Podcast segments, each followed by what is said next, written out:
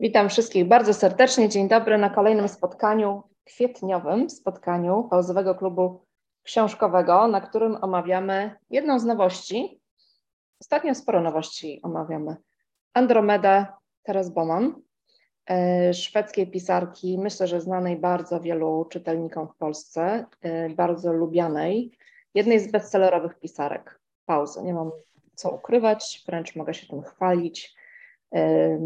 Teraz jest bardzo, bardzo dobrze przyjmowana, aczkolwiek również są kontrowersje i często słyszymy, i to już też padło na jednym z poprzednich spotkań, gdzie omawialiśmy jakąś inną, poprzednią książkę teraz, że bohaterki są irytujące, cały czas do tego wracamy. Tutaj bohaterka również jest irytująca według niektórych, także będziemy o tym rozmawiać. Mam nadzieję, że dołączy do nas tłumaczka Justyna Czechowska, która zapowiedziała się, być może nie będzie z nami przez cały czas.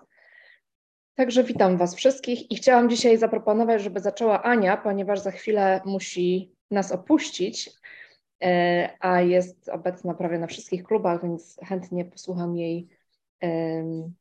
No, myślę, że fajnie będzie, jak posłuchamy, co ma do powiedzenia, zanim będzie musiała zniknąć. Także taką chciałam jej dać okazję. Aniu, jak Andromeda? Dziękuję bardzo. E, znaczy nie, od razu powiem, że mnie nie irytowała ta bohaterka wcale. Ja ją bardzo dobrze rozumiałam. E, te wszystkie rozterki i niepewności i, i przemyślenia. Książka mi się podobała. I co mi się w tej książce podobało, z jednej strony, a z drugiej nie, to jest bardzo często, jak omawiamy te książki, to skarżymy się, że przydałaby się wersja tej drugiej osoby, że jest tylko wersja jednej, no i tutaj ta wersja drugiej osoby, czyli Gunara jest. Tylko, że ona, co ciekawe, ona nie jest jakby lustrzanym odbiciem wersji E, tej głównej bohaterki. Niestety zapomniałam imię, ono tam pada raz e, w tej drugiej części, ale zap... Sofii? Sofii? Była Sofii? W tak. takim razie e, ona nie jest lustrzanym odbiciem wersji Sofii, ponieważ on jakby opowiada swoje, swoje życie od dzieciństwa, ale z jednej strony mi się to podobało, zwłaszcza, że on też jak zaczynał tę pracę miał podobne rozterki jak Sofii i też niepewności, a z drugiej strony ta jego mm, relacja była dużo mniej ciekawa niż ta kobieca relacja. Była taka trochę, nie wiem, trochę taka dziaderska, taka nie wiem, blada przy, przy jej relacji, jego przemyślenia i jego, jego jakby wszystko to, o czym myślał. Fajnie to dopełnia, bo można było się dowiedzieć, o co tam chodziło z tą akcją, z tym molestowaniem i tak dalej, ale wydała mi się dużo bardziej blada. Bardziej mi się podobała pierwsza część książki. No to tak, pokrótce. Byłaś zaskoczona tym, y, że on jest, y, wyobrażamy go sobie, przynajmniej ja sobie go wyobrażałam jako y, taką bardzo snobistyczną osobę, pewnie z jakiegoś wykształconego domu pochodzącego, a potem się okazuje, że tak wcale nie jest. Czy to cię zaskoczyło, jak czytałaś o nim? Hmm. Nie, nie, ja nie wyobrażałam sobie tego, co ty sobie wyobrażałaś, więc mnie to nie zaskoczyło. Byłam taka zupełnie neutralna.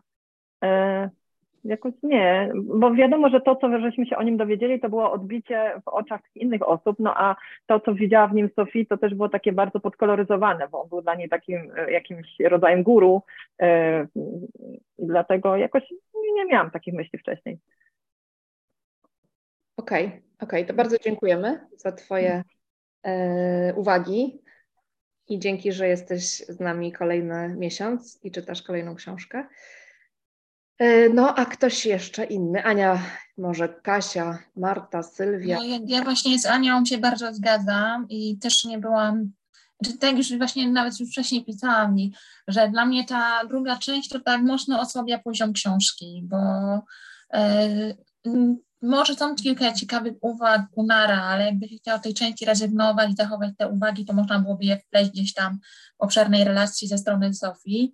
E, I tak właściwie ta e, druga część, która z jednej strony miała, nie wiem, przedstawić Gunara w innym świetle, ale mi go nie, nie przedstawiła w innym świetle, bo trochę miałam wrażenie, że ona miała usprawiedliwić, dlaczego on pod koniec był taki zgorzniały, niemiły i, i tak dalej. A to dało się usprawiedliwić tym, że no, jak nagle człowiek musi rezygnować ze tym, co go pasjonowało, całej pracy i przejść na emeryturę. I to potem się okazuje, że na emeryturę też się nie może spełnić, bo zdrowie mu nie pozwala na podróżowanie ani na dorywczą pracę w wydawnictwie, no to to jakoś tak to dało się to usprawiedliwić, więc dla mnie ta druga część była kompletnie zbędna i przeczytałabym ją chętnie z innej perspektywy, która na przykład by kogoś innego z wydawnictwa, która by pozwoliła tak obiekt, znaczy inaczej, trzeci punkt widzenia na tą relację między Sofii i e, Gunnarem. Właśnie, oczywiście pewnie by się pojawił ten wątek, że pewnie podejrzewam ich o romans, którego e, tam nie było i w sumie no jest też plus tej książki, że to nie jest takie oczywiste, że tak że właśnie musi być romans między e, właśnie Gunnarem i Zofii, że tam było coś bardzo bliskiego, coś intymnego, ale nie tak banalnego i to bardzo e, cenię. E, natomiast właśnie tej drugiej części już by musiała się pojawić, chociaż mówię, to bardziej traktuję jako takie nie, dopowierzenie, y, jakby zabranie czytelnikowi przestrzeni na to wyobrażenie tej drugiej postaci, to chętnie bym widziała na przykład Jenny albo tam jakąś inną osobę z wydawnictwa. Y, chociaż Jenny byłaby jaka najbardziej, najciekawszą postacią, bo bardzo w oczach Sofii taka bardzo negatywnie przedstawiana, że ona jakby burzy sobie wcześniejszy porządek, a ona z drugiej strony te zmiany wprowadza trochę w duchu nowoczesności, tak, rezygnuje z jakichś serwetek czy tam podkładek ze względu na ekologiczne rozwiązanie. I chętnie bym spojrzała, jak ona na to patrzy, na, na jej oczach pewnie Gunnar byłby takim staroświeckim e, starcem, który jakby no, nie wie, czym powinna być literatura i jakby bardziej się troszczy jakieś takie pierdoły za przeproszeniem na przyjęciu niż o jakieś tam to, że nie wiem, o wyniki sprzedażowe, tak, i się na przykład niespecjalnie cieszy, że jakaś książka dostała nagrodę, więc ta e, optyka byłaby zdecydowanie ciekawa i pozwoliłaby na bohaterów spojrzeć inaczej. Natomiast e, perspektywa Gunara no tak właśnie niewiele zmieniła w moim postrzeganiu bohaterów. No coś tam dopowiedziała, ale czy musiała to dopowiedzieć niekoniecznie. Okej. Okay. Ja też zawsze mówię, że bardzo lubię, jak książki pauzy ze sobą wchodzą w jakiś dialog, bo nie wiem, czy którejś z Was również e, Gunnar się kojarzył z innym bohaterem e, z innej książki pauzy, również redaktorem, który, o ile dobrze pamiętam, e, słyszy od e, swojego szefa, że go zwalniają, ponieważ literatura chyba rumuńska się już nie sprzedaje, czy jakaś taka, powiedzmy, niszowa. I też nie rozumie w ogóle, jak to jest możliwe, że nagle rządzi pieniądz, czyli Jorgen z Tirce. Dobrze pamiętam, że się Jurga nazywa? Jezu, teraz zapomniałam, czy, czy dobrze, nie, tak, tak. Ale to było właśnie takie podejście no nazywamy to teraz dziaderskie, e, takiego człowieka, któremu się jakiś tam świat przez niego znany po prostu kończy, tak? Nagle się okazuje, że nie jest ważne, czy Andromeda jest fantastyczną serią i czy się sprzedaje, e, czy, czy nie, tak? Także e, nie wiem, czy komuś się jeszcze skojarzył, ale dla mnie znamienne w tej powieści był ten fragment, w którym właśnie mówi, że zatrudniają ludzi, którzy niekoniecznie mają wykształcenie literaturoznawcze, tylko i nawet lepiej, żeby nie mieć, że potrafi to sprzedać. I to było dla mnie bardzo e, osobiste, ponieważ e, właściwie bardzo od dziecka, czy właściwie na ostatnich lat marzyłam o pracy w wydawnictwie i nawet sobie jakby jakieś kroki tutaj czyniłam, no i się okazało, że nawet na praktyki nie udało mi się dostać a w zamian to pewne duże wydawnictwo y, zatrudniło się, okazało, że jak tam poznałam panie z wydawnictwa, zatrudniły osoby po pielęgniarstwie. I w tym momencie, jak czytałam to o tym, ja mówię, aha, no to faktycznie, bo one jakby nie mają tego, one kochają czytać może, ale nie mają tego zaplecza literaturoznawczego, takiego teoretycznego i tego, co tak brzmi ta wartość literacka, tylko właśnie są jakby odarte z tego, co na polonistyce, na kulturoznawstwie i tak dalej i po prostu będą lepszymi osobami, które mają ten produkt sprzedać. I to mi się ten fragment też tak bardzo podobał. A jakie było pytanie, zanim się spóźniłam, to pierwsze, bo mnie ciekawi, o czym mówiła Kasia, w sensie, jakie zadać pytanie, Anita? Hmm, chyba nie zadałam żadnego pytania, tylko zapytałam, co inni myślą o książce, bo pierwsza mówiła Ania, e, która musiała e, nas opuścić, więc e, nie wiem, nie, prawdę mówiąc nie pamiętam, czy, czy zadałam Kasiu jakieś konkretne pytanie? A nie. No nie, Ania powiedziała, też że mówiłam o tej różnicach, o tej sensowności tej drugiej części, nie? Tak. Tych różnych perspektyw. Ania powiedziała, że jej się nie podobała ta druga perspektywa i że tak, no i Kasia jakby dalej pociągnęła ten temat. Mhm. To może jeszcze była najlepsza część i to wreszcie wiedziałam, o czym jest ta książka dzięki jego perspektywie, bo ta książka nie jest o żadnym wydawnictwie, o żadnym relacji męsko-damskiej, gdzie facet jest dojrzały, a dziewczyna młoda ta książka jest o udawaniu, o udawaniu kogoś, kim się nie jest, o ciągłym aspirowaniu, o tym, jak tworzymy pozory, jak łatwo ludzie w te pozory wchodzą, bo sami stwarzają pozory i biorą pozory za prawdę, a to niestety jest pusty balonik. Nie wiem, czy ktoś się z mną zgodzi, ale dla mnie to jest książka tylko wyłącznie o tym. Wszystko inne jest dekoracją. Przypomniałam sobie, że faktycznie tam było pytanie, czy, kto, czy kogoś zaskoczyło, że Gunnar nie był z, z pochodzenia z takiego domu bardzo wykształconego. Chyba o to zapytałam.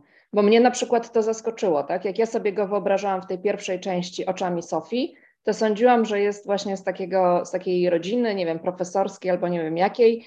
W każdym razie, że czytał od zawsze i wszyscy byli wykształceni i tak dalej. I bo, no tak, bo ona taką stworzyła historię, nie? Bardzo świadomie z, y, zastosowała ten zabieg, tak? Mówiła o tym też y, nawet podczas spotkania autorskiego, y, tego online, które, które było wokół Andromedy, że, mm, no, że właśnie wszyscy myślimy, że, znaczy wszyscy, no, część z nas tak postrzega Jurgen, Gunara, no a potem się okazuje, że jest zaskoczenie, że zupełnie in, z innej rodziny się wywodzi. Ale w ogóle chyba klasowość to jest coś takiego, na co Bowman często zwraca uwagę w swoich książkach, mam wrażenie. Zdecydowanie. W każdej z nich tak naprawdę, w każdej z nich. Zdecydowanie. Tak, dokładnie. Awans społeczny, nie? Awans społeczny tak. to jakby w każdej, w każdej z tych książek to bardzo się przewija.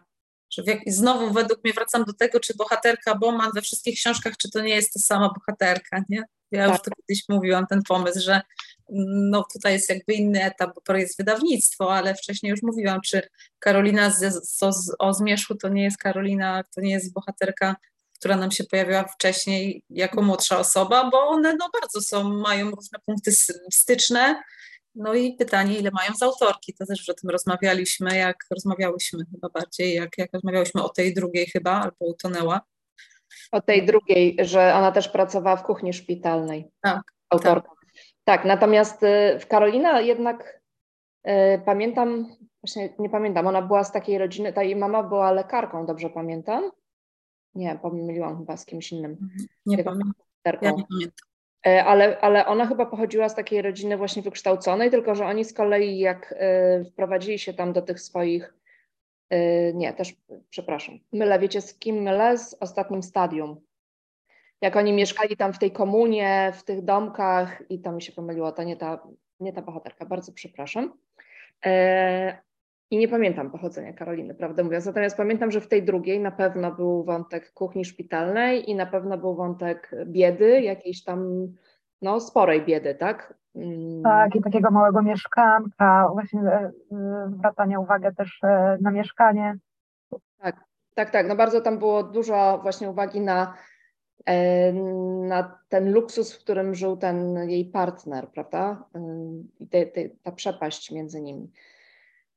Ja właśnie jestem na świeżo po tej drugiej i tam faktycznie ona na przykład też mówi, że porównuje siebie do tych studentów, y, swoich znajomych i mówi, że y, oni mają zupełnie inny start, mogą się niczym nie przejmować, bo w razie czego po prostu zapłacą za nich rodzice, tak, za mieszkanie czy za jakieś ubrania, a ona wiedziała, że nie może na nikogo liczyć, że musi na wszystko zarobić sama, także tam zdecydowanie dużo jest tej klasowości tego tematu klasowości. Zdecydowanie tak. I właśnie y, kiedyś z Justyną też o tym rozmawiałam. Y, jeżeli dołączy, to ją o to zapytamy. Y, chyba y, Sylwia, chyba chciałaś coś powiedzieć. Widziałam w pewnym momencie i się nie biłaś. Tak, dzień dobry, w ogóle witam wszystkim i wszystkie jestem pierwszy raz tutaj w tym um, uroczym gronie. Um, rzeczywiście ta klasowość chyba bardzo mocno tam e, wybija, ale to chyba jest taka specyfika szwedzka, nie? Oni mają taką trochę obsesję e, takiej równości, egalitarności, takiego, że wszyscy jesteśmy równi, a jak troszeczkę poskrobać, to, e, to ta klasowość bardzo jednak jest obecna i ta finansowa i, i, i pochodzeniowa. E, I, ale myślę też, że ona tutaj może no właśnie jakoś tam się z tym, z tym mierzy e, i, i, i może ja nie wiem, nie znam jej biografii, na ile to jest jakoś biograficzny element, to właśnie to wyciąganie się e, za pomocą literatury czy edukacji wyżej, na ile to jest jej doświadczenie osobiste.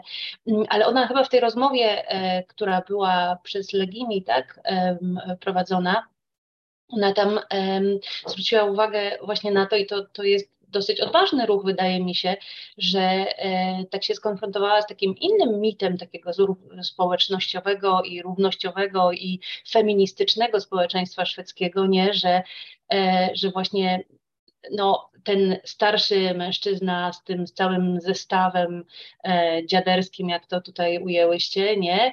I, I ona jakoś tak odważyła się przedstawić go trochę jakby inaczej, nie? że on nie jest jednak taką całkowicie odrażającą postacią. I ona mówiła, że, że w, w świecie takim literackim, e, na rynku e, szwedzkim, i myślę, że nie tylko Szwecji to dotyczy, e, to jest takie trochę fopa, tak powiedzieć, nie? że ten taki stary człowiek jest jakoś tam, może być autorytetem i może być przedstawiony jakoś tam pozytywnie. Nie? I, i to, jest, to jest takie dosyć, wydaje się, wyzwanie czytelnicze, nie? że tam rzeczywiście nic, nic no można go nie lubić, można tam mu tam zarzucać różne rzeczy, natomiast on nie jest jakąś tam postacią absolutnie um, negatywną, nie? E, mimo tych wszystkich stereotypowych myśli właśnie myślę i, i, w Polsce obecnych teraz na temat starszych panów, którym tutaj będą objaśniać kobietom świat, nie? Ja się nie zgodzę, on objaśniał kobiecie młodszy świat i widział doskonale, że jest w niego wpatrzona i przyjął tą rolę a my mu współczujemy tylko dlatego, że poznaliśmy ten background, ale to nie jest y, dla mnie za dobre usprawiedliwienie. Także tu akurat ja y, jakby y, rozumiem, że wszyscy tak recenzują tę książkę i dla nich to jest jakiś taki punkt, że ona niby broni. Dla mnie to nie wynika z tej książki, jakby z samego czystego tekstu, bez całego tej otoczki, która jest mówiona. On jeszcze tym bardziej jak traci tę pracę, jak idzie na emeryturę, przymuszony tym, że to jakaś kobieta ma nim rządzić, no sorry, ale niestety nie, to dalej jest jakby takie ustawienie bardzo stereotypowe i, i bardzo takie, no niestety on zdecydowanie ma cały zestaw tych cech. To nie jest tak, że, że ona go idealizuje, on ma ten cały zestaw cech. Ja myślę, że właśnie ta książka nie daje odpowiedzi właśnie na to, że tutaj jest tak, a, a tutaj jest tak i, i tylko no właśnie z idealizuje właśnie. nie? Bo ta dziewczyna jednak, um, dla niej to była ważna relacja.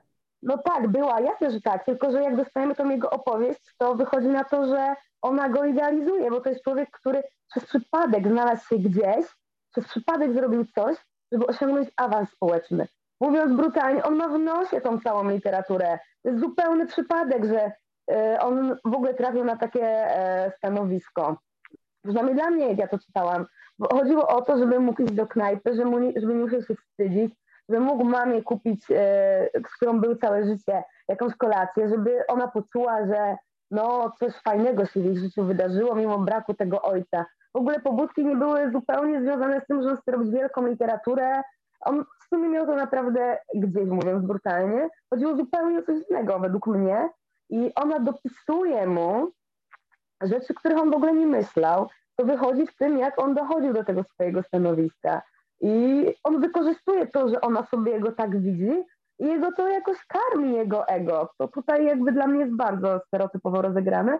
I mówię, o tyle jest ciekawe, że dostajemy e, taką opowieść z jego strony nieoczywistą i mi się to bardzo podoba. Nie interesuje mnie, co mają inni ludzie w wydawnictwie do powiedzenia, bo tu dla mnie w ogóle nie chodzi o wydawnictwo, to chodzi zupełnie właśnie o coś innego. To budowanie swojego wizerunku, który mają kupić inni ludzie. I tak doskonałe budowanie tego wizerunku, że jedna, druga, piąta i dziesiąta młoda dziewczyna i wszyscy ludzie, którzy gdzieś pracują z nim, dla niego, pod nim, wierzą w to, że on jest wybitnym znawcą literatury e, i że on naprawdę ma świetnego nosa, że jest genialny, świetnie wykształcony, ma intuicję. E, to jest w ogóle dla mnie siła tej opowieści. O tym w ogóle cała ta książka. Justyna do nas dołączyła, tłumaczka, i y, akurat Justyna y, trafiłaś na roast Gunara. Właśnie. No właśnie, słyszę, słyszę. Bardzo, e, bardzo ciekawa interpretacja. A pierwszy raz jest z nami druga Sylwia, y, która właśnie raczej pozytywnie się wyrażała, zanim dołączyłaś, przed chwilą opowiadała o Gunarze, raczej w pozytywnych barwach. Ja z kolei znam Sylwię osobiście, i drugą Sylwię. Nie chcę mówić stara i nowa Sylwia, ale starą Sylwię. I widziałam po jej minie, że zaraz po prostu będzie tutaj jakaś odpowiedź. Ale słuchajcie, no ja na przykład y, jakkolwiek uważam, że zapraszanie na wino kobiety w sumie w jakimkolwiek wieku, y, regularnie po pracy jest dwuznaczne dla mnie, to nie poszłabym tak daleko, żeby powiedzieć, że w ogóle Gunnar właściwie tam miał gdzieś tą literaturę i w ogóle się nie pasjonował i nie był w tym wyjątkowo dobry i robił tylko dla pieniędzy. Myślę, że na pewno robił to dla y, swojego ego i dla awansu społecznego i między innymi pieniądze się z tym wiązały, tak? Ale mnie on y, się wydawał jednak naprawdę osobą znającą się na tym, co robi i zaangażowaną bardzo w to, co robi. Także tak, ja to... ale jakby trafił nie do wydawnictwa, słuchaj, tylko nie wiem, e, na giełdę, to też byłby doskonały w tym, co robi, bo na tym jakby oparł całą swoją osobowość, na dążeniu, stawianiu pewnych kroków, e, sobie jakiegoś celu, który jest na tym odpowiednim poziomie, dlatego co on sobie po drodze zrozumiał, że musi osiągnąć, żeby się gdzieś tam wydostać, żeby czuć satysfakcję. On na początku sam nawet nie był tego pewien, jego szturchnęła jedna, druga, trzecia osoba, która mu jakby to ego zbudowała. Naprawdę, jakby robił jakąkolwiek inną pracę, byłoby dokładnie tak samo. No oczywiście, wiecie, no moja bardzo prywatna mm, opinia, nie, ja wiem, że się większość pewnie ze mną nie zgodzi, ale ja go tak odebrałam. Tylko zauważ, że on, e, jego historia zaczęła się, jego młodość zaczęła się od czytania książek po prostu. Mhm. Dokładnie. Ja mam wrażenie, że interpretacja Sylwii broniłaby się, gdyby nie druga część, której jest pokazana miłość jego Gunara do książek. A dla mnie nie, to tam się zaczęło od czegoś innego, od relacji z tym studentem.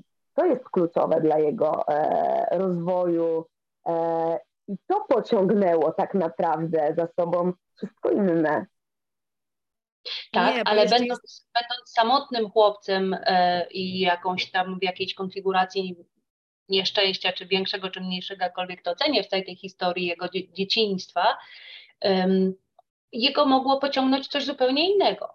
Mógł, e, mógł zainteresować się czymś zupełnie innym, a jego, do niego przemówiła właśnie literatura. I myślę, że autentyczność tego trudno treści książki podważyć, że on jednak był w jakiś sposób pociągnięty przez literaturę i jakieś przebłyski geniuszu gdzieś tam się pojawiały. Teraz jak to rozgrywał i że miał też inne motywacje, właśnie na tym polega, mi się daje, moc tej książki, nie? Że, że, że właśnie, że te postacie łączą w sobie motywacje niskie i wysokie.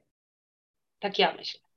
Ja sobie pomyślałam, że zanim y, ten student, to przecież była ta koleżanka mamy, która pracowała w bibliotece i przynosiła mu książki. I on jakby, on najpierw odkrył te książki, y, a potem tego studenta, bo dla takiego młodego chłopaka przebywanie ze studentem i siedzenie z nim na balkonie i gadanie nie jest niczym atrakcyjnym, ale ponieważ ja myślę, tam w żadnym momencie nie jest powiedziane, że oni strasznie dużo akurat o książkach gadali, ale domyślam się, że, no bo tam raz okej, okay, raz ten student razem z nim buduje mu namiot, prawda, przy trzepaku, i, a potem jedzie z nim na ryby, ale ta, ta, ta, to pierwsze między nimi połączenie wynika z czegoś zupełnie innego, z czegoś, co właśnie Gunnar miał już z tych pierwszych swoich lektur.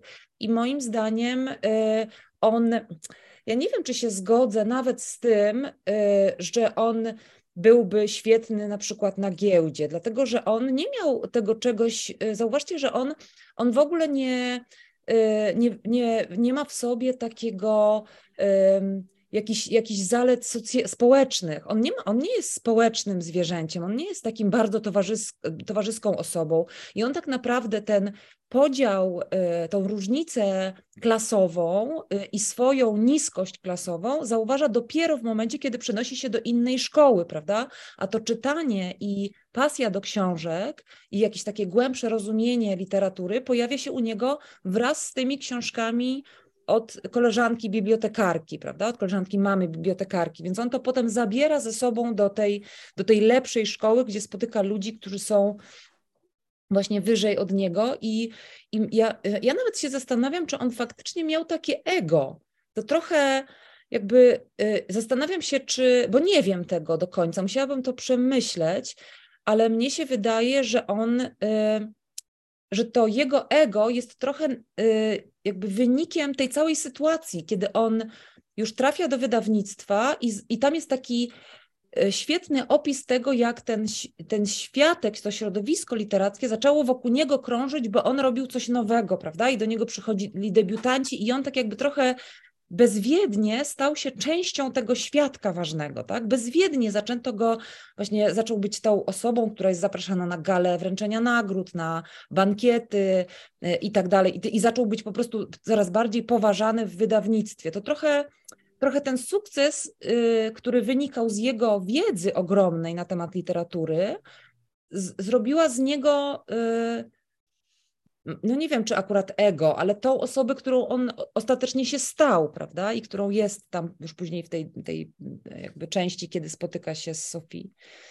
Także ale taka... dla mnie on mówi tam wprost w tej drugiej części, że to jest ogromny przypadek, że on jakby jest na tym etapie, że miał, że to jest, że gdyby nie trafił jako od tej najniższych, e, on? E, jakimś on Takim posłańcem, tak. Prosił, nie? No, Gdyby nie trafił tak. akurat tam z powodu żony, która go w zasadzie zostawiła, wrócił znowu do pracy takiej trochę byle jakiej, bo nie miał nacisków, żeby szukać czegoś bardziej, to wcale się tam nie musiał znaleźć. I tak, wiadomo, że on te książki czytał, jakby nie podważył, że on w ogóle nie był zainteresowany, ale on wchodząc do wydawnictwa, mówiąc, że skończył jakieś tam studia, czy jest, nie, on skończył, jest w trakcie jakichś tam studiów, że chciałby iść to piętro wyżej, tam na drugie piętro, e, tak naprawdę nie do końca miał świadomość, co tam się dzieje. No, Owidiusza znał z wersji dziecięcej, ale to nie jest tak, że on przeczytał całą klasykę i wszedł już jako geniusz do tego wydawnictwa i to był splot przypadków. On to tak, dla mnie, on to mówi tak bardzo wprost, że to jest taki balonik, który on sobie zbudował i owszem, siłą rzeczy przez tyle lat pewnych rzeczy się nauczył, pewnych ludzi poznał, jakieś rzeczy doczytał, stworzył jakąś wizję swoją, ale to wszystko zaczęło się od, od czegoś, co było puste. Jakby tam nic nie było, to dopiero się napełniło w tym momencie, kiedy on rzeczywiście w tej drodze miliona przypadków tam trafił. Gdyby nie trafił akurat tam, tylko gdzie indziej, to moim zdaniem wyglądałoby to podobnie. A że to była literatura, no to ja tu widzę bardzo dużo przypadków po drodze, jakby nie podważając, że ta książka była, bo była darmowa, ale potem też jest taki moment, w którym matka mu zarzuca przecież, że co, nie wystarcza ci już biblioteka, chciałbyś księgarnię, bo tam jest ładnie, drogo i to ci podnosi status. A jest też taki moment, kiedy on się przyjaźni z tym studentem, no przyjaźni może za duże słowo, i patrzy na bardzo grubą książkę, którą on musi tam przeczytać na studia i mówi, o Jezu, w życiu bym czegoś takiego nie chciał przeczytać. Ja widzę, że się fantastycznie przygotowali ze wszystkich fragmentów pogrążających Gunara. Ja połowy nawet nie pamiętam dokładnie. Ale dla mnie to właśnie to, co teraz Sylwia powiedziałaś, pokazuje, że książka wcale nie jest o bohaterach tylko o tych przypadkach, które powodują, że ludzie trafiają do wydawnictwa i to są ludzie, którzy odpowiadają za to, jakie książki zostaną wydane i co przejdzie i co będzie uznawane za lepsze i gorsze. Więc tak naprawdę to jest to, co od samego początku mnie mało interesują bohaterowie w tej książce, ale właśnie to samo wydawnictwo i ta sama literatura. Choćby myślę, że tutaj nie jestem odosobniona z tego względu, że wszyscy kochamy czytać i tak dalej. Dla mnie te postacie są marionetkami do tego, żeby pokazać, jak wygląda życie literackie, jak wygląda świat wydawniczy. Tam nie trafiają osoby wykształcone, y, czy nawet pasjonaci literatury, czy gdzieś tam może mniej lub bardziej kochają czytać, tylko trafiają ludzie czasami z przypadku, tak, wzięci z ulicy, dlatego że komuś się tam gdzieś spodobał. I to są ludzie, którzy tworzą literaturę, którą my jako czytelnicy dostajemy, Y, i którą potem my częściowo, czy tam inni potem krytycy muszą się z tym mierzyć i ją ocenić. I dla mnie ta książka jest właśnie przede wszystkim o rynku wydawniczym. To nie jest tło. To ludzie są tłem właśnie do tego, żeby pokazać, jak wygląda rynek wydawniczy. Jak to jest po prostu bardzo, te wszystkie kryteria są bardzo subiektywne, y, i tworzone, nie wiem, przy lampce wina w co y, czwartkowy wieczór, że właśnie po prostu przez przypadek trafią na osobę, która po prostu nagle z czy przyjdzie jako goniec, czy przyjdzie jako asystentka, nagle będzie kierować ważną serią, która miała być prestiżowa, wymyślona przez człowieka, który też nie ma tego wykształcenia i też jakby trafił tam przypadkiem, tak? I to jest dla mnie właśnie przede wszystkim ta książka e, właśnie o literaturze. Łamy serce Anitkę, myślę, która z miłości stworzyła wydawnictwo. Ja może... Ja tutaj mówię tutaj o obraz konkretnie dużego wydawnictwa, Słuchaj, to jest, to, to inaczej to działa, nie? Widziałam różne rzeczy, że nie będę, y, nie będę tutaj dyskutować, że czasem trafiają bardzo przypadkowe osoby. Zgadzam się, absolutnie tak jest, absolutnie tak jest. Może nie na takie stanowiska jednak, ale też różnie bywa. Natomiast y, Justyna, zanim przyszłaś, to y, rozmawialiśmy o tej stronie społecznej, awansu społecznego w tej książce, bo może to jest głównym bohater właściwie wszystkich y, książek Boman, ten awans, prawda? I chciałam, nie wiem, czy nie, nie, pamiętam, ktoś zadał właśnie pytanie, że, że wielu, nie, Sylwia powiedziała, Sylwia Barnett powiedziała, że w wielu szwedzkich książkach to jest wątek prawda? Ten awans społeczny jest wątkiem. Dobrze pamiętam, że tak. Tak, tak, tak, bo to jest, bo to jest w ogóle tak, że ta książka, y, mm, może nie ta książka, ale ten temat awansu społecznego to jest faktycznie temat, który co jak, o to nie jest tak, że on się przewija przez całą historię literatury Szwecji, ale on faktycznie powraca i on zaczął się w latach 30., 40. razem z taką, mm, e, z takim pierwszym pokoleniem samouków ludzi wywodzących się e, najczęściej z, e, z tych środowisk robotniczych, e, i to byli głównie mężczyźni, którzy po prostu sami mieli jako chłopcy ciąg do nauki i chociaż mimo, że nie mieli możliwości chodzenia do szkół nie wiadomo jak wysoko i najczęściej to byli ludzie, którzy nie kończyli uniwersytetów, a w ogóle nie zaczynali uniwersytetów nawet, ale oni mieli ciąg do nauki i oni się uczyli poprzez czytanie i całe takie pokolenie wyrosło, y, takie pokolenie, które debiutowało właśnie w latach 40., 50. potem. Y, I to było bardzo ważne pokolenie dla literatury szwedzkiej. Potem to trochę ucichło, a potem tak jakby, tak jakby falami powracała ta tematyka, i teraz znowu wraca, do tego stopnia wraca, tylko że ona teraz trochę o czymś innym jest. To jest oczywiście, znaczy, bohaterowie się zmienili, jasna sprawa, bo ona najczęściej jest o już nie o, e, nie o ludziach wywodzących się z proletariatu czy tam z jakiegoś środowiska robotniczego, ale o ludziach na przykład o nowych Szwedach, czyli imigrantach, prawda, którzy, którzy w ten sposób właśnie z jakiegoś tam przedmieścia Sztokholmu robią ten wielki skok, e, ale też o ludziach, którzy no tak jak teraz Buman sama, przyjeżdżają z małego miasta do Sztokholmu, który jest niesamowicie trudnym miastem takie do wejścia dla nowicjusza, bo to jest jednak no wiecie, w przeciwieństwie do Warszawy, której e, jeszcze kilkadziesiąt lat temu wszyscy byli przyjezdni, bo po wojnie wszyscy musieli jakoś tam wrócić i większość z nas to są jakby, które, to jest jakieś tam pokolenie tak zwanych słoików, no to Sztokholm jest miastem, gdzie naprawdę no, jest cała masa ludzi, którzy od pokoleń są sztokholmianami, no i każdy, każdy nowy, każdemu nowemu jest bardzo trudno wejść te struktury, przede wszystkim takie elitarne struktury, chociażby właśnie struktury wydawnicze, tak, czy tam środowiska literackiego. I teraz Buman, y, i w ogóle na podstawie właśnie tych książek powstała praca naukowa, nawet literaturoznawcza, która traktuje właśnie o tym nowym pokoleniu literatury tak zwanej proletariackiej, która właśnie jest o tym awansie społecznym i teraz Buman jest traktowana w tym trendzie jako jedna z ważniejszych przedstawicielek, tak? Więc i, i no, jeżeli znacie jej wcześniejsze książki, no to, to wiecie, że ona tam za każdym razem wraca do tego i, i za każdym razem jakoś tam z innej strony e, przedstawia tych swoich bohaterów i bohaterki właśnie jako tych, którzy awansowali.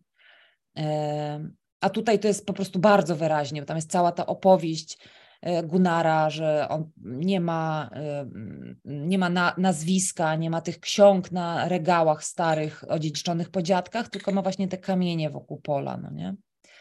I to jest jego dziedzictwo. A ty, Justyny, jak czytałaś pierwszy raz y, książkę, to zaskoczyło cię, że Gunnar właśnie nie pochodzi z takiej rodziny? Jak czytałaś tę wersję Sofii i sobie wyobrażałaś, kim był młody Gunnar i on tak, tak, nie zdradza to, to tego. było ciekawe, bo mnie w ogóle najpierw rzeczywiście jak zorientowałam się, że ta druga część będzie właśnie głosem Gunnara, to troszkę się tak zniechęciłam. Myślę, o nie, no w ogóle nie mam ochoty na, ten, na tą stronę, ten, po co mi to jest wiedzieć, co on tam sobie myśli. E, ale ale mnie to zaskoczyło, tak? I, ale tym wszystkim zaskoczyło mnie to, że, że to, dobrze, my dowiadujemy się tylu rzeczy, y, tak, o których nie domyślaliśmy się, czy wyobrażaliśmy sobie zupełnie inaczej, ale też jakby dotarło do mnie, że te wszystkie rzeczy były też y, zakryte przed samą e, Sofii, tak? Że ona tutaj rozwinęła jakąś tam więź E, z człowiekiem, którego tak naprawdę znała tylko do pewnego poziomu. I nie wiem, czy tutaj e, Justyna też mm, potwierdzi to, ale to też wydaje mi się takie szalenie symptomatyczne dla, dla szwedzkiego e, społeczeństwa, tak, że, że ono jest takie właśnie bliskie, proste, tutaj równościowe, każdy do każdego, tak, ale jakby nie wchodzimy, bardzo trudno jest wejść w takie głębsze relacje i um, i można tak jak e, oni spotykać się bardzo często, tak, i, i codziennie i mieć głębokie rozmowy na temat literatury i zawodu, e, a tak naprawdę niewiele o sobie wiedzieć, nie? I to, to jakoś tak było dla mnie ciekawe, że, że, że, że ona też pewno tych rzeczy o nim nie wie, e, a jednak gdzieś na jakimś innym poziomie jest ta relacja zbudowana, nie? No, taką właśnie wieloznaczność tego i, te, i tego, że te relacje między ludźmi nie możemy ich jakby włożyć w żadną, w żadną taką skategoryzowaną, gotową szufladkę. To było, to było fajne dla mnie w tej drugiej części. A ja się zastanawiam, czy faktycznie ona tak mało o nim wie, bo wiecie, jak sobie wyobrazicie jakąkolwiek relację, która jest, no było nie było bardzo intensywna, tak jak ich, no bo jeżeli oni głęboko wchodzą w rozmowę o literaturze, no to y, każda taka trochę bardziej inteligentna osoba, a za taką jednak uważam Sofii, y, jakby domyśla się tego backgroundu. On być może bardzo dokładnie jej nie opowiedział historii swojego życia, ale to musiało w pewnym momencie wyjść. To jednak, ja trochę nie, nie wierzę, żeby oni rozmawiali, jakby rozumiecie, że nawet jeżeli rozmawiają o swoich, nie wiem, młodzieńczych fascynacjach, lekturach, rozmawia się o, yy, nie wiem, trochę może o studiach, może o, no nie wiem, jak się o czymkolwiek rozmawia, to, to jakby to się wyczuwa w tej drugiej osobie ten, ten background, prawda? I jakoś tak trochę trudno mi jest uwierzyć, że ona nie miała pojęcia, że on pochodził od chłopów, bo oni w pewnym momencie też rozmawiają przecież o tym, prawda? Oni w, pe w pewnym momencie w książce, oni, on, on jej też mówi o tym, on jej mówi chyba w ogóle o swoim pochodzeniu, nie? Teraz jakoś Ale nie... Tak, no, nie, mi się wydaje właśnie, że zupełnie nie. On, właśnie... on coś tam w niej zobaczył siebie, czyli osobę, która sama nie wie, czego chce trzeba ją odpowiednio popchnąć, żeby e, poszła w tę stronę, bo powiedzmy widzi jakiś talent w niej pewnie, ale czy to jest równa rozmowa, czy on widzi w niej trochę siebie, plus trochę kogoś, kto będzie go słuchał, bo widzi podziw w jej oczach dla siebie. Dla mnie to nie jest równa w ogóle relacja. Nie, ale no. ona nie może być równa. Ja tego nie powiedziałam. Bo to nie chodzi o to, że ona jest równa, bo ona nie może być równa, bo po prostu. No więc no... to nie jest osoba, której on się zwierza. Tam dla mnie nic nie ma powiedziane, żeby ona wiedziała. Ona sobie projektuje. Ona sobie ogląda, co ma powieszone w domu, kiedy są na jego urodzinach, że widzi małego Gunara z matką i ona nie wie, że to jest matka. Ona sobie to stwierdziła. Widzi, że między książkami, których jest dużo, piszą takie a takie obrazy, więc ma pomysł na prezent dla niego. E, porównuje sobie jego dom z jego biurem, które wygląda w zasadzie tak samo, czyli facet nie ma żadnych rzeczy takich bardzo intymnych w domu, takich prywatnych, bo ona odpowiednio chodzi sobie ogląda te rzeczy. Ten, ten facet jakby nie ma przyszłości i on na pewno o niej nie opowiada. Znaczy oczywiście to jest tylko takie obserwowanie tego, co sobie tam wyczytałam na zasadzie szczególarstwa takiego, jak mi Anita powiedziała.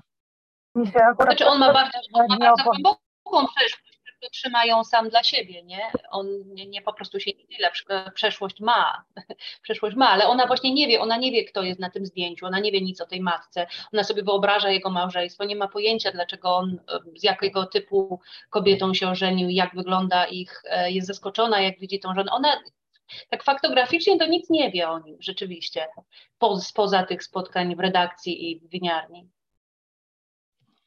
Tam chyba jest taki motyw, że ona mówi, y, że ona dostaje to stanowisko, tak jakby, bo on y, chce, żeby ona wyszła tą samą drogą, co on, tak jakby w to wydawnictwo, w ten świat książki, więc to ona musi mieć jakieś pojęcie, tak jakby o tym przynajmniej, jak się zaczynała jego kariera.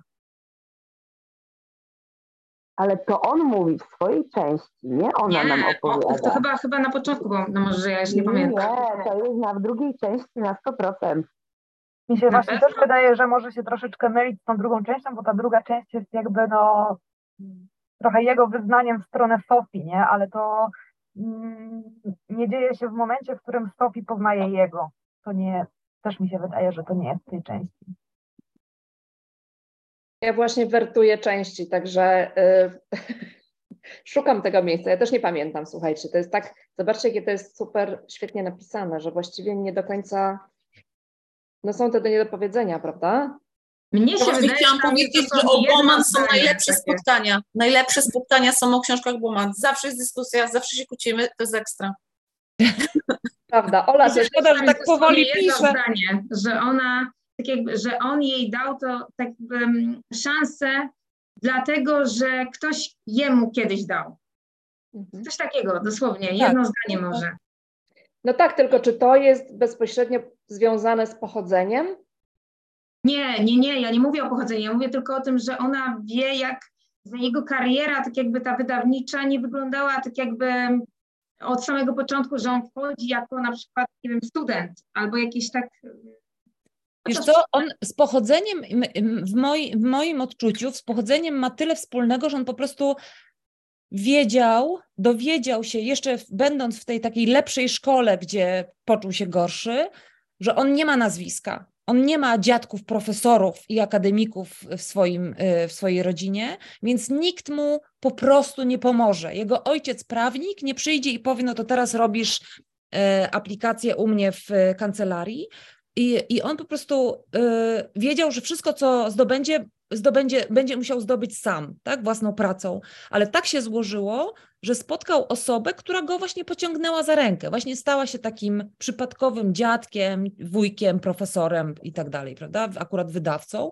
I on, wiedząc, że Sofii y, ma taki sam background jak on, że znalazła się w Sztokholmie i jakby właśnie nie ma tego otoczenia, ale też, że świat się zmienił i trochę inaczej funkcjonuje, on jej podał tą rękę, bo zobaczył w niej tak mi się wydaje, tak to, tak to czytam właśnie, że, że on trochę tak jakby chce jej podarować to, te, jakby chce być dla niej ten, tym losem, który on kiedyś na swojej drodze spotkał, tak? Wiedząc, że właśnie backgroundy są, ale są podobne. Ale on się w ogóle ale być może nie kieruje nim altruizm. Być może nie kieruje nim zupełnie altruizm. Go on, go on. Teraz nic nie słyszę. Sylwia, Sylwia Barnett może teraz, a potem Sylwia no. druga. Bo y, y, rzeczywiście na, na, pewno jest to wyraźnie zarysowana tego rodzaju właśnie symetria, tak? Tylko, że nie wiemy, czy bardziej kieruje nim pewien właśnie taki altruizm i wysokie odczucia, chciałbym teraz oddać życiu to, co mnie dobrego spotkało, czy raczej właśnie jest to takie być może motywowane taką chęcią jakby um, um, pogłębienia czy akceptacji tego losu, który jego spotkał, jakby potwierdzenia, że tak, to jest dobry, to jest dobry scenariusz na życie i e, jakby robiąc to samo dla kogoś innego, jakby zaspokaja swoją potrzebę takiej e, akceptacji społecznej, nie, a niekoniecznie jest to taki czysty właśnie gest mm, altruistyczny, nie? Ja się skłaniam ku temu drugiemu, ale tak w ogóle to ktoś tutaj mówił, że trzeba jeszcze wracając do trzeba coś wie. Nie, ona nic o nim jeszcze nie wie, co jest proste w tym, że to ona się jemu w kółko i w kółko zwierza, mówiąc, dając zrozumienia, z kim sypia, po jakiej imprezie, czekając nawet na to, aż on jej powie, ojej, nie możesz tego robić. Jest bardzo rozczarowana, że nie otrzymuje tej odpowiedzi, bo ona chciałaby dostać jakąś e, informację w zamian. Wydaje się, im bardziej będzie mówić o rzeczach intymnych, prywatnych, tym większa szansa, że on cokolwiek powie. A on na to w ogóle nie reaguje i nie dlatego, że tam jest wielka miłość, że miał wcześniej jakieś tam historie, jak to mówią wydawnictwie, przekraczania granic. Nie, bo jego to nie interesuje moim zdaniem w ogóle. On po prostu poszukuje e, podziwu w oczach kogoś innego, wszystko jedno chyba kogo. I ona szczerze go podziwia, być może jako pierwsza od dłuższego czasu, od jakichś tam poprzednich dziewczyn, i jemu to wystarczy.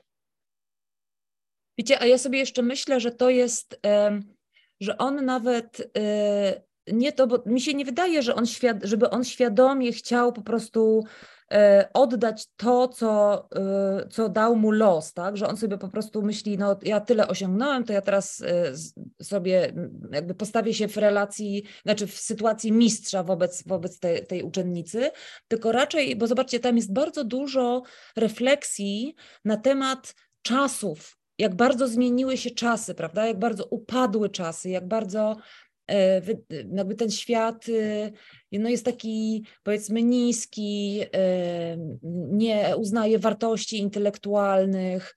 E, najważniejsi są teraz ci kalkulatorzy, którzy tam liczą, jak, ile, ile książek trzeba wydać, żeby dobrze zarobić i tak dalej, i tak dalej. A on po pierwsze znajduje w niej partnerkę do rozmowy nie o cyfrach, a po drugie, trochę tak jakby, ja sobie myślę, że a może on właśnie poznając ją i podejmując tę decyzję o uniesieniu jej, tak, e, już wie, że jest bardzo chory, śmiertelnie chory, prawda? I może tak być, że to jest jego takie, takie ostatnia próba tchnienia jakiegoś życia w, w to wydawnictwo i, i jakby przeniesienia tych wartości, których on doświadczał, będąc młodym człowiekiem, a których już dzisiaj zupełnie nie ma, jakby przeniesienia tego na tę dzisiejszą rzeczywistość. Bo akurat o tym jest tam bardzo dużo refleksji w tej książce, wydaje mi się. I ich rozmów też, prawda? Tak, ale on jest hipokrytą. Słucham? On, mówi, on jest hipokrytą. On nie jest tam dla tego, żeby wielką literaturę robić. Nie, on to potem powtarza. Ale on to mówi na samym początku już tej swojej wypowiedzi. Trafiłem do radia, nie miałem pojęcia, o czym mówię, ale dali mi głos, więc się wypowiadałem. Generalnie najbardziej cieszyły mnie nagrody, które dostawali moi autorzy. Nie, że piszą dobrą książkę, że ta książka jest skrojona pod nagrody i że on jest wymieniany jako ten, który dowiózł tę nagrodę, który im pomógł, który miał pomysł, e, pomysł jak to zrobić. I tak naprawdę e, trochę może wydaje, może nie róbmy z niego takiego potwora, no może chce takie wyrównanie, ale z drugiej strony bardziej chce, żeby ktoś o nim pamiętał, żeby jego spuścizna nie zniknęła, i ona jest najlepsza, ta nasza bohaterka, żeby to przejąć i nie zastanawiać się za dużo nad tym, tylko po prostu to jest tak, to był fantastyczny człowiek, to był gentleman, to był miłośnik literatury. On robił literaturę dla idei, dla wielkich e, wzruszeń, dobrą literaturę. On się nie zastanawia, czy mogło być inaczej. I ma się nie zastanawiać, bo gdyby się zastanowiła, i posłuchałaby tego, co on nam mówi już potem w tej drugiej części, to wyszłoby, że to wszystko jest wydmuszka. Czekajcie, bo tutaj cytat z Sylwii właśnie. Nie róbmy z niego strasznego potwora. Kto to powiedział? A Justyna, ja mam pytanie y, takie trochę też może środowiskowo-społeczne, bo Teres bardzo wyraźnie powiedziała podczas spotkania, y, które było y, online y, wokół tej książki, że nic między nimi nie było. Nic między nimi nie było. Czy ty też tak uważasz, że nic między nimi nie było? Bo dla mnie jednak chodzenie z kobietą, powiedziałam to już wcześniej, chyba zanim dołączyłaś, nawet nie, nie tylko młodszą kobietą od siebie, tyle młodszą, tak, ale z jakąkolwiek kobietą, raz w tygodniu na wino, po pracy, siedzenie do późna, nie mogę tego nazwać tym, że nic między nimi nie było. I zastanawiam się, czy to wynika z innej interpretacji mojej, czy, czy naszej i Teres, czy to wynika z różnic kulturowych. E, nie wiem, czy z różnic kulturowych, wiesz, bo pewnie prawdopodobnie domyślam się, że gdyby mm, i znam takie relacje i sama jestem, ja myślę, że to wynika trochę z tego, jak myśmy się nauczyli e, myśleć o takiej relacji, wiesz? E, ja sobie myślę, że gdybyś dowiedziała się o profesorze, który jest powiedzmy zainteresowany, zafascynowany wiedzą na przykład jakiejś no, powiedzmy doktorantki, już nie studentki, tylko doktorantki i oni regularnie się spotykają i chodzą nawet na kawę, prawda? No to już mielibyśmy podejrzenia co do tej relacji a, e, ale w tej książce w żadnym momencie, znaczy jest powiedziane, że ta Sofii trochę podejrzewa, że tak może być. On też e, w pewnym momencie, wtedy przecież jak jej wysyła kartkę z Prowansji, to też ma takie poczucie, że on nie wie, czy ją wysłać, czy nie wysłać. Jak już ją kupił, to nie wie, co tam napisać, żeby nie zostać źle zrozumianym. Y, ale między nimi nic nie było. Oni naprawdę, znaczy ja jestem w stanie, nie wiem, być może jestem naiwna, ale jestem w stanie uwierzyć, że ta ich relacja jest tylko i wyłącznie o takim duchowym połączeniu intelektualnym. E, I y, nie wiem, być może jest to moje takie, takie życzeniowe y, myślenie, ale faktycznie tak, tak myślę. Ty, tym bardziej, że ta książka powstała po całej fali mitu, prawda? Po, po tym, jak się oskarża po prostu wszystkich wszędzie, szczególnie w Szwecji, to bardzo, bardzo, bardzo ta akcja wybrzmiała. Y, więc ona też musiała pisać to z taką świadomością, że to może być w ten sposób odczytane. I ona może się odżegnywać od tego zupełnie, ale ja nie wiem, czy to nie jest takie, taka trochę zabawa z jej strony. Ja nie słyszałam ani tego, tej rozmowy, o której ty mówisz, ale, ale dla mnie ewidentnie w tej książce e, nie ma między nimi tej relacji, e, żadnej relacji. O, jest, jest tylko i wyłącznie taka intelektualna fascynacja. Ja myślę, że o tym trochę jest ta książka właśnie. Ja, to, ja coś wreszcie powiem, dajcie mi dać słowo. Tak. Y, mogę tylko przeczytać tak. jedno zdanie w kontrze do tego, co powiedziała Justyna.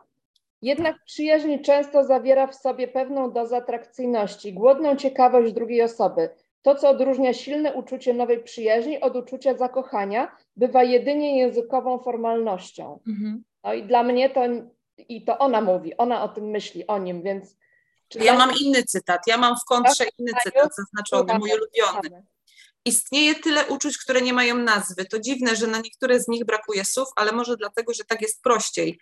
Rozumiemy i porządkujemy życie według tego, na co mamy słowa, tak jak się widzi kolory według tych barw, których się nauczyliśmy. Starożytni Grecy nie mieli nazwy na błękit jak my. Słowa, których używali, by opisać morze, zawierały więcej niż kolor, teksturę, mętność, ruch. W innym języku, a może w innym czasie, relacja moja i Gunara być może byłaby czymś innym, być może istniałoby na nim słowo zawierające coś poza brzmiącymi pospolicie kolegami po fachu czy przyjaciółmi. Mhm. Znaczy, tak, ja uważam, ja właśnie... jest, o tym jest ta książka. Każda z nas uważa, że Ale ja też o tym trochę mówię. To jest super.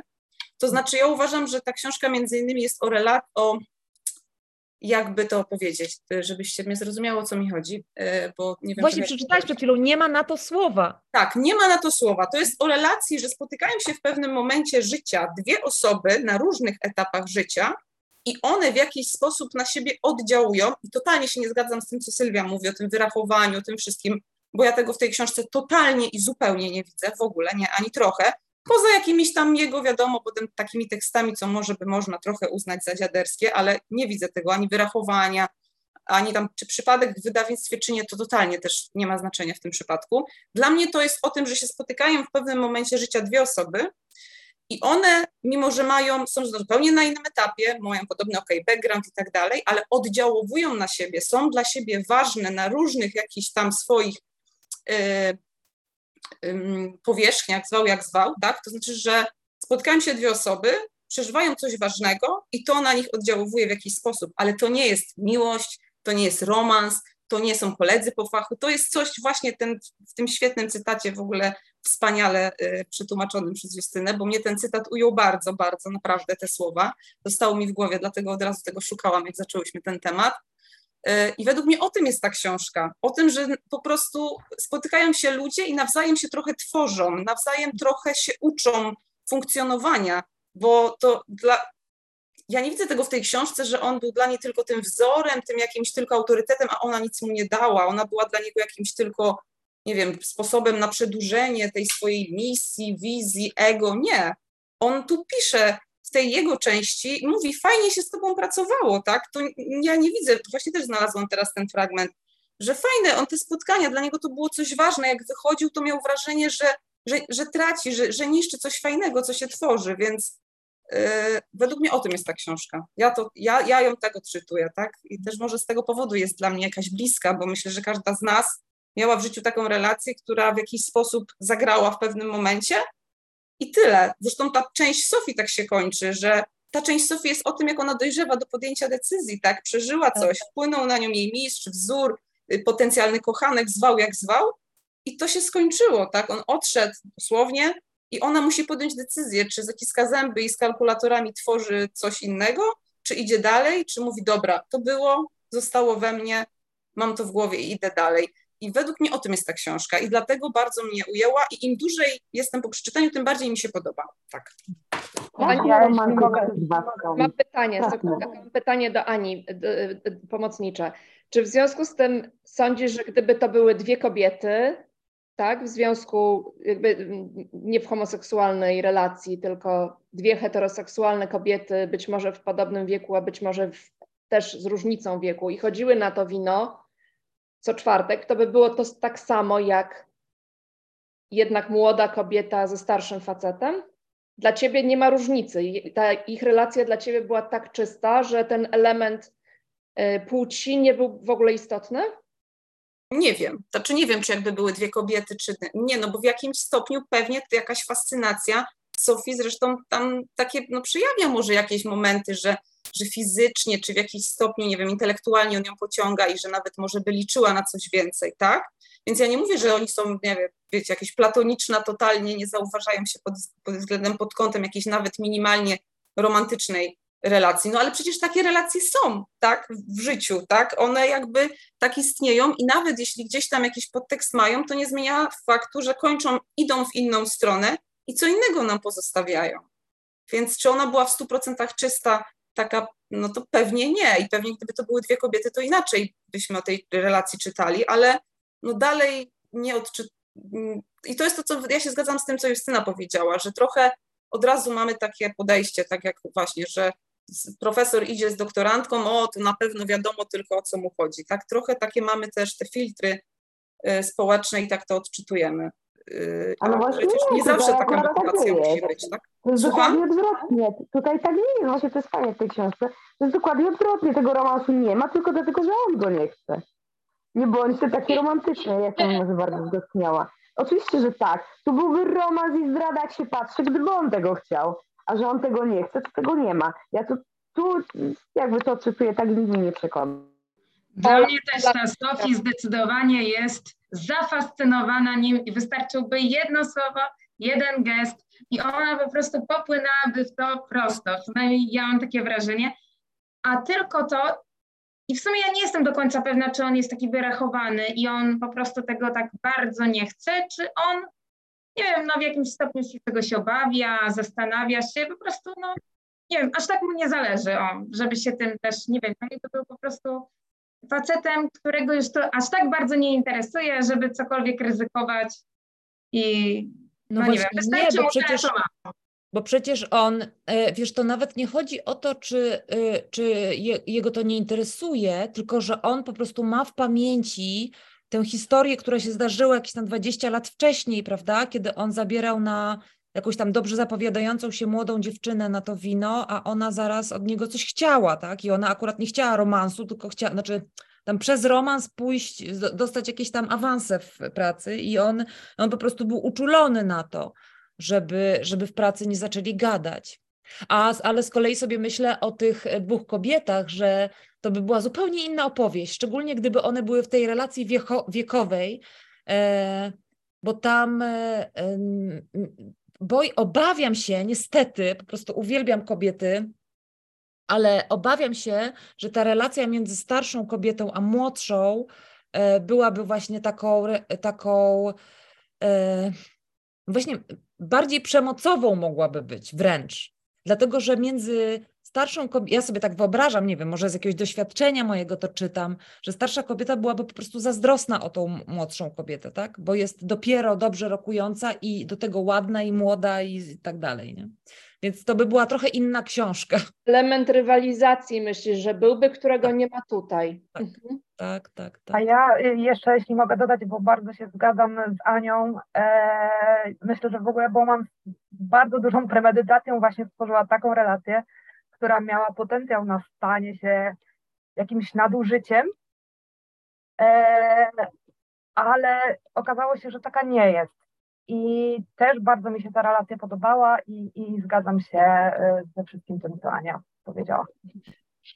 Tak, mi się wydaje nawet, że tu można no to tak jeszcze mocniej, bo oprócz tego, że rzeczywiście tak to jest właśnie, że, że to nie ma, nie ma tutaj nawet, nie możemy mówić, że czysta czy nieczysta, po prostu my jesteśmy ludźmi i rzeczy czystych. Y, to nie jest tak, że, że mamy tylko i wyłącznie, nie wiem, duchową relację z kimś albo tylko i wyłącznie intelektualną fascynację. Jesteśmy po prostu osobami, ludźmi z krwi i kości ewolucyjnie po prostu wojna płci się toczy i, i nie ma, nie ma czystości w naszym życiu, nie ma. I, i ona tutaj to demi, demitologizuje pięknie, ale w ogóle to jest w jakimś sensie dyskusja w ogóle z całym ruchem e, MeToo, prawda, który jednak dzisiaj troszeczkę widzimy, że e, oprócz tego, że rzeczywiście jest, e, był nieprawdopodobnie potrzebny nam wszystkim, no to jednak wymaga też pewnego przemyślenia, tak? I tutaj właśnie ten Gunnar, który ma, Gunnar, który ma wszystko wskazuje na to, że mógłby być właśnie e, kolejnym jak nazywał się ten reżyser z Hollywood,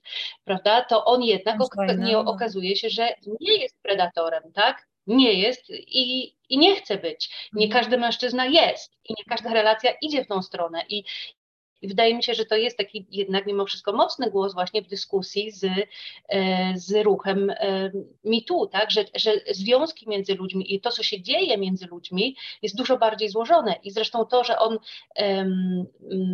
jakby jak pewną taką prefiguracją tej, tej relacji z Sofii jest jego związek z tym e, studentem, tak? I ona tutaj może właśnie nam pokazuje, że mamy te w głowie, ten, w tym kontekście kulturowym funkcjonujemy tak, że tu kobieta, mężczyzna, tu starszy chłopak z młodszym chłopakiem.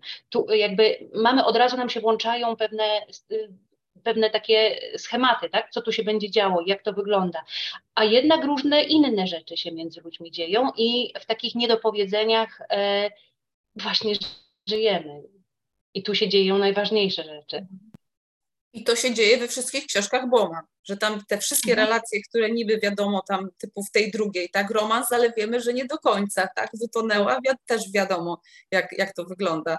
Yy, tak, relacja Karoliny ze studentem i tak dalej w, w Ozmierzchu. Dlatego to też myślę jest cecha charakterystyczna yy, tej autorki właśnie przekazywanie tego, to co Sylwia trafnie powiedziała, że jesteśmy ludźmi i to co mówicie, że od niego tylko zależało że gdyby on tylko zrobił jakiś krok, to byłby z tego romans. Ale go nie było i takie są relacje w życiu. Tak, ktoś na coś liczy, ktoś drugi tego nie robi i taka relacja to nie znaczy, że ta relacja nie była udana czy nieudana. Potoczyła się w takim kierunku i przyniosła to, to i tamto, tak? I coś zostawiła i u jednej i u drugiej os osoby na pewno, tak? Jakiś, jakiś skutek wywarła, czegoś nauczyła, coś pokazała, była jakimś przestrogą, nauczką czy wspaniałym wspomnieniem, tak? No, tak wygląda. Nie każda relacja musi się od razu kończyć fajerwerkami i ślubem albo pobiciem się, tak, czy mm -hmm. nie wiem, czymś Gwałtem.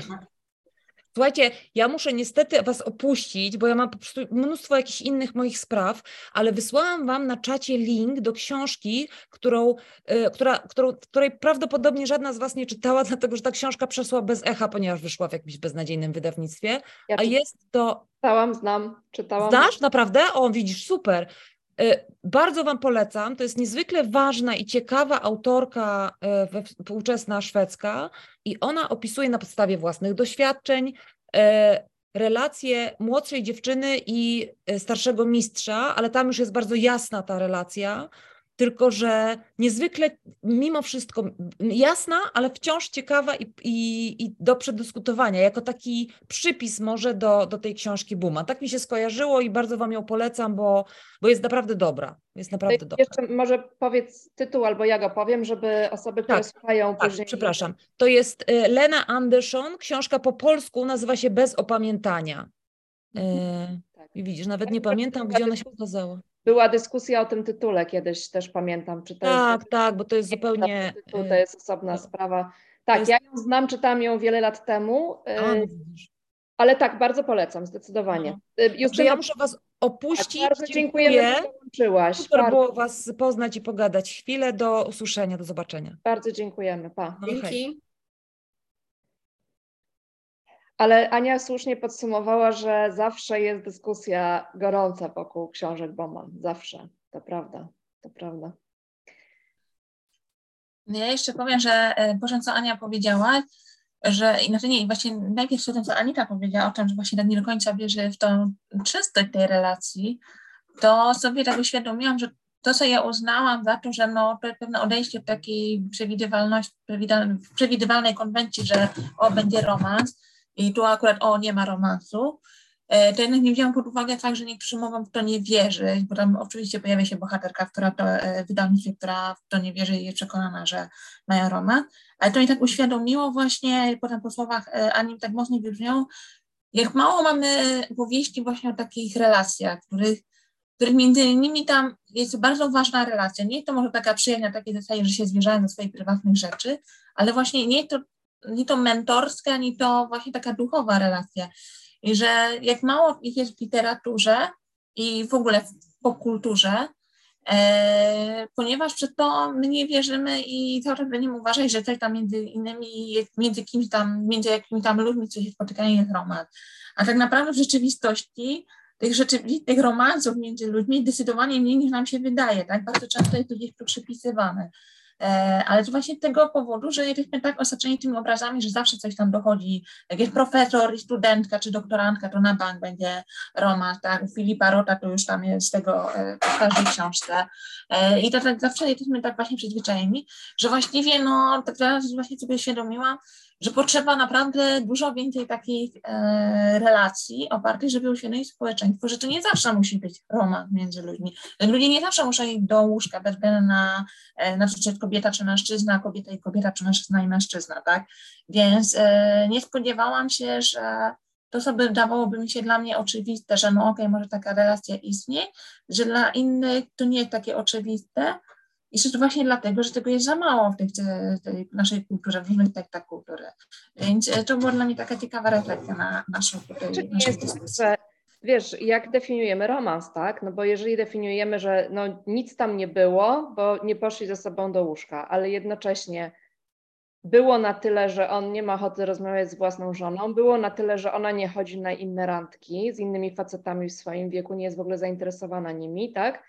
E, no chodzą na to wino, będę się czepiać tego, ale no, dla mnie to nie jest normalne, żeby z kimś z pracy chodzić po pracy na wino co tydzień i siedzieć do późna, niezależnie nawet od płci, tak? Jeżeli no, mam męża, na przykład mam ochotę wrócić do domu i z nim pić wino, tak? Boże, to jest bardzo indywidualne w moim przypadku. Ale... W weekendy wymieniać się SMS-ami. Znaczy, właśnie, no więc okej, okay, no nie byli ze sobą w łóżku, nie wiem, nie całowali się i nie pisali do siebie jakichś romantycznych listów, ale czy y, możemy powiedzieć, że to nie był romans, no bo tego nie robili, no jak, mamy jakieś wyobrażenie, co to znaczy mieć romans, tak? No ale można mieć też jakiś duchowy romans, nie wiem, zakochanie, które później powoduje, że partner przestaje być dla nas interesujący, życie bez tej osoby przestaje być dla nas ciekawe, tak jak się stało w przypadku Sofii, zatapiamy się całkowicie w tej osobie. No i czy mamy prawo tego nie nazywać romansem? W drugą stronę to obrócę. Chyba że nie mam zaangażowanie emocjonalne, nie? No nie każde zaangażowanie emocjonalne jest romansem, tak? Że tak bym to tak e, odda. Oczywiście, no tak, że... Ale tak naprawdę no to jest jakaś umowa między dwojgiem ludzi, czy między jakimś czworokątem, trójkątem ludzi jakoś, tak? Że on ma żonę, to w zasadzie powinien sobie to ustalić. To jest przekroczeniem ich granicy. Bo tak naprawdę często w takich relacjach potem się okazuje, że dla jednych tak, dla drugich nie, więc fajnie jest sobie to na jakimś etapie omówić. Sylwia Barnett, coś chciałaś powiedzieć? Nie, nie, tylko tyle, że, że rzeczywiście no, tak to są ważne pytania, te, które stawiasz, ale w jakimś sensie, czy my musimy na nie odpowiadać? Czy my musimy to zdefiniować, romans czy nie romans? I że w jakimś sensie autorka właśnie tak e, ustawiła tę książkę, że nie to jest głównym jej tematem, jakby to w ogóle nie ma znaczenia. E, tak, jakby treścią i sensem tej książki, jakby zupełnie akcent jest i ciężar położony zupełnie gdzie indziej, nie? jakkolwiek byśmy nazywali, a nie możemy nazwać, zgodnie z cytatem, który e, Ania przytoczyła, więc to jakby to, co się dzieje między ludźmi jest zawsze w jakimś sensie tajemnicą dla pozostałych i, i jakby niczego nie zmienia, nie? To jest, to jest ich jakaś tam sprawa. Ja się chciałam Was zapytać, e, jeśli mogę, bo e, czy, czy, czy nie odczuwacie, że, bo chyba zdaje się w kilku gdzieś tam jakichś tekstach na temat autorki, można zauważyć, że ona jest traktowana jako taka wyższościowa pisarka, tak, bo, bo tworzy te, te kreacje, te bohaterki takie właśnie te wyedukowane, tak, i tutaj no ileż mamy książek, gdzie tam pani pracuje w wydawnictwie, tak, i ile, jak duża jest grupa osób takich jak my, które będą się tutaj rajcować tym, że jest to o, o książkach i o pracy wydawniczej i w ogóle jakichś intelektualnych zajawkach, tak, e, i, i również też treściowo, tak, że to są właśnie ci ludzie, którzy jakby wyciągają się wyżej za pomocą tam, nie wiem, literatury, czy, no i że to jest taki trochę snobujące i może, że ona jest taka właśnie wyższościowa e, i tutaj to jakby wraca do tej, do tej dyskusji na temat tej klasowości, tak, że ona sama może właśnie przyczynia się w jakimś sensie do tworzenia jakiejś takiej klasy, że ci, co czytają są, albo ci, co są wyedukowani są lepsi niż ci pozostali, te tematy są lepsze. Czy, czy wy też tak odbieracie, że ona jest taką właśnie wyższościową, elitarną e, pisarką? Jeżeli mogę, tylko ja się odniosę tylko do tej e, Andromedy, to właśnie ja bym powiedziała, że to jest trochę bita szpila, jeżeli już w, w tę klasę, bo przecież właśnie Gunnar nie jest e, taką postacią no, błyszczącą, białą, wybieloną i wspaniałą, że my wzdychamy, prawda, do nich. Tylko oni są wręcz tacy trochę, ja bym nie powiedziała, że oni, że oni się wywyższają, ale jednak odrobinę tak, no na pewno mm, czują się trochę lepsi, że lepiej, lepsze rzeczy czytają, bardziej się znają na książkach. Na pewno trochę też wyśmiewają inną literaturę. To jest takie, no jakby czytając to nie czujemy, że nie czujemy się tak jakby, że jesteśmy lepsi czytając tak jakby lepsze rzeczy. O, nie wiem, no przynajmniej ja tego tak nie odbieram. Znaczy, ja myślę, że ona bardzo dobrze opisuje właśnie takie poczucie, y, które panuje ewidentnie według mnie y, w świecie wydawniczym, tak? Że jesteśmy właśnie lepsi i właśnie lepiej wiemy i nie należy czytać tych y, czytadeł, kryminałów i nie wiadomo czego, tak? Literatury gatunkowej, tylko właśnie tę lepszą literaturę, tę literaturę wyższą, tak? I to takie deprecjonowanie też właśnie ci kalkulatorzy, o których e, oni wspominają.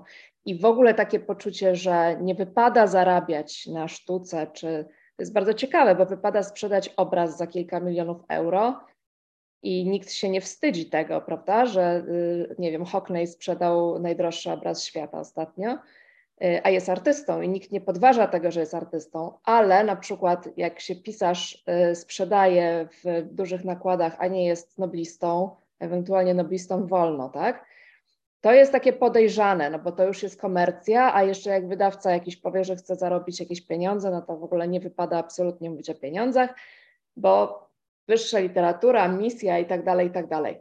Więc tutaj ona to oddaje, uważam, genialnie i yy, ten, to wydawnictwo Rydens jest y, jeden do jednego kopią wydawnictwa, w którym Terez wydaje swoje książki. Y, I te bankiety, o których ona pisze, i, i no, absolutnie tam się wszystko zgadza, tak? Także wydaje mi się, że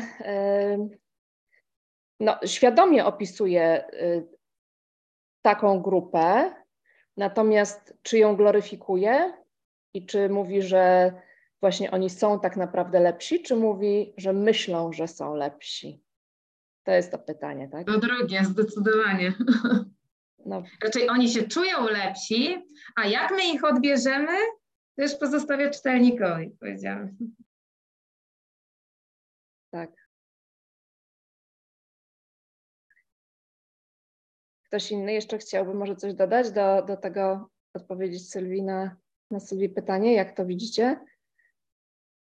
Ja myślę, że te bohaterki, bo jeszcze ten wątek, że są wyniosłe, nie? To się też faktycznie pojawia. Albo aroganckie też słyszałam. Egzaltowane. Ale... Egzaltowane. Y, czasem nie wiedzą, czego chcą, co uważam jest absolutnie y, fałszywą diagnozą, bo myślę, że właśnie wiedzą. Tak ja je oceniam. Y, no nie wiem, na pewno każda z nich aspiruje do czegoś. Na pewno, tak? I w Utonęła, i w tej drugiej, w Ozmierzchu, i teraz w Andromedzie jest ten element takiego aspirowania, czy wywyższanie się. Ja bym tego nie, chyba nie nazwała wywyższaniem się, tylko właśnie aspirowaniem do tego, żeby udawać chyba tego lepszego, tak? Bo one do końca, może Sofii się chce faktycznie rozwijać jak ona jako ona, tak? A, a nie wiem, czy bohaterka tej drugiej na przykład chce się rozwijać, czy chce szybko awansować właśnie i mieć więcej pieniędzy. Wydaje mi się, że to tam trochę inaczej to jest rozegrane. No ale bardzo ciekawe bohaterki w każdym razie zawsze. Znaczy, nigdy nie byłam znudzona ich historiami. Mi się wydaje, że Sophie ma w sobie trochę takiej, um, takiego przekonania o tym, że jest specjalna w pewnym sensie, zwłaszcza do tego, że on ją tak z niczego jakby wyciągnął i w zasadzie bez jakichś tam większych, w sensie, że ten jej początek w firmie, w wydawnictwie był taki nagły i szybko się wszystko potoczyło. I w pewnym momencie chyba nawet jest, jeśli się nie mylę, taka sytuacja, gdzie ona jest w jego domu na tym przyjęciu, tak? I ona tam widzi jego żonę i patrzy na nią i sobie myśli, że ona jest taka zwyczajna, czy nie wiem, czy mi się to nie pomyliło z czymś. Więc mi się wydaje, że ona ma takie przekonanie o sobie trochę, że jakby jest y, wyjątkowa na pewno w pewien sposób. Czy to jest aroganckie? No to już można sobie samemu odpowiedzieć. Ja nie wiem, ale. Tak, faktycznie tam jest taki element właśnie takiego podziwu dla żony, tak? Że żona jest właśnie taką, powiedzmy, lepszą, z lepszej klasy, tak? Tak, ale równocześnie mi się wydaje, że ona sobie myśli, że, mm, że ta żona nie zasługuje na to, co ma. Nie wiem, ja może to jakoś inaczej odczytałam. Wydawało mi się, że ona tę żonę widzi jako no, kogoś, kto się znalazł na takim wysokim miejscu, ale w sumie to nie ma nic y, specjalnego w sobie. Nie wiem. Może to moja interpretacja taka. Ja to nie, też nie, nie, ale tak jest. zazdrość po prostu. Ona, no, że ona po prostu, ona jej zazdrości, więc trochę próbuje ją deprecjonować, ale ogółem mm, raczej ona, ona bardziej, ja mam wrażenie, że ona bardziej mówiła to, że oni do siebie nie pasują, że oni są po prostu z dwóch innych światów. Nie, że oni, że ona ma dużo wspólnego z Glenarem, a żona nie. Tak na tej zasadzie bardziej.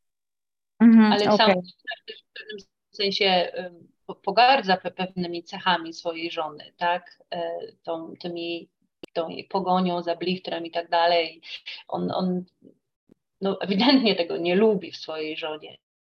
I, i to, w jakimś sensie tego też łączy z... No nie, a on sam to robi. Przecież te całe e, te podstawki pod kieliszki na Boga. Przecież to jest jego pomysł i to ma pokazywać, jak to było ważne, jak wszyscy chcieli się znaleźć na tych imprezach. Ja myślę, że jest pewna grupa ludzi, która uważa, że wszystko, co będzie związane z literaturą, um, usprawiedliwia um, tego rodzaju snobistyczne zachowania i myślę, że ja do tych ludzi też należę. Um, dlatego ja doskonale rozumiem Gunara i, i Sofii. Jestem też tak jak oni osobą z awansu społecznego, dlatego tym bardziej to rozumiem. też mam kolekcję kamieni zebranych z pola moich dziadków.